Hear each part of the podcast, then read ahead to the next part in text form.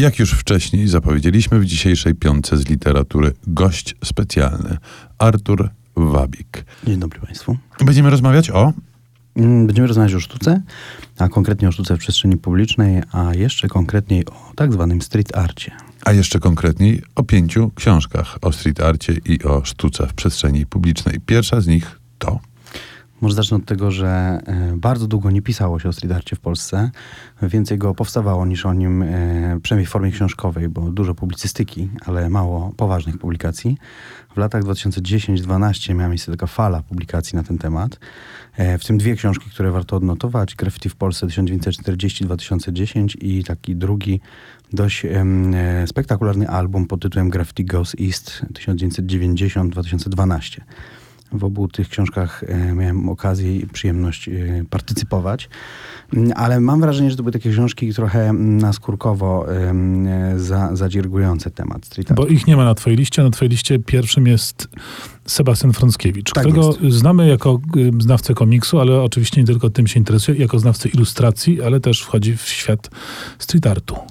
Tak, y, druga książka Sebastiana Frąckiewicza pod tytułem Żeby było ładnie, rozmowy o boomie i kryzysie street artu w Polsce ukazała się w 2015 roku nakładem y, Galerii Miejskiej Arsenał Y, i to zbiór wywiadów z twórcami street artu, tymi być może najważniejszymi, a być może jednymi z najważniejszych. We wstępie autor pisze, że Oczywiście nie mógł przepytać wszystkich, bo książka byłaby dwa razy więcej, dwa razy grubsza i straciła na aktualności, ale mamy tu między innymi e, Mariusza Libla, czyli połowę duetu Tworzywo, mamy e, MCT, czyli Mariusza Warasa, e, Michała Kubieńca, kuratora festiwalu w Katowicach, e, mnóstwo e, interesujących postaci, które opowiadają o tym, czym street art jest. Ale o- opowiedz y, skąd się i kiedy wydarzył się boom i dlaczego nastąpił po nim kryzys.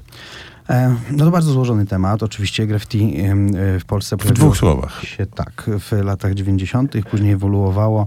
Około roku 2000 nabrało em, e, takich ambicji bardziej egalitarnych, zaczęło być bardziej e, ilustracyjne, narracyjne i przekształciło się w to, co nazywamy dziś street artem. A później w okolicach roku 2010, czyli dekadę później, e, powróciła nam moda na murale, czyli na wielkoformatowe malowidła naścienne, co do których istnieje pewnego rodzaju spór, czy w ogóle są częścią street artu, czy też nie.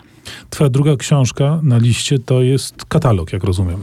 Tak, to katalog e, Międzynarodowego Biennale Sztuki Zewnętrznej Out of Something, wydany przez, znów przez Galerię Miejską, tym razem we Wrocławiu, Galerię BWA Awangarda. Mm, Jest to Bardzo piękny grzbiet. Tak, tak. Bie, bie, grzbiet, właściwie nie ma grzbietu tak naprawdę, tylko składki tego mm, albumu są sklejone w taki sposób otwarty, że widzimy mm, zadruk grzbietów, tych leg, legi, znacie taki termin na pewno. Nie znacie. Nie. Legi to są takie właśnie złożone ze sobą strony, w te mniejsze takie.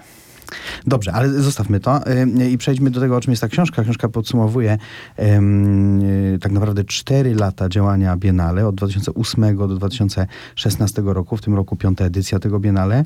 To również książka, do której miałem przyjemność napisać krótki esej e, o tym, jak Biennale ewoluowało, jak przenosiło ciężar swoich zainteresowań z e, malarstwa monumentalnego, czyli właśnie z murali na e, działania partycypacyjne w przestrzeni publicznej, czyli takie, które angażują mieszkańców i zwracają większą uwagę na to, co mieszkańcom jest tak naprawdę potrzebne w mieście. To były dwie pierwsze książki Artura Wabika. Po krótkiej muzycznej przerwie wracamy do piątki street artowej.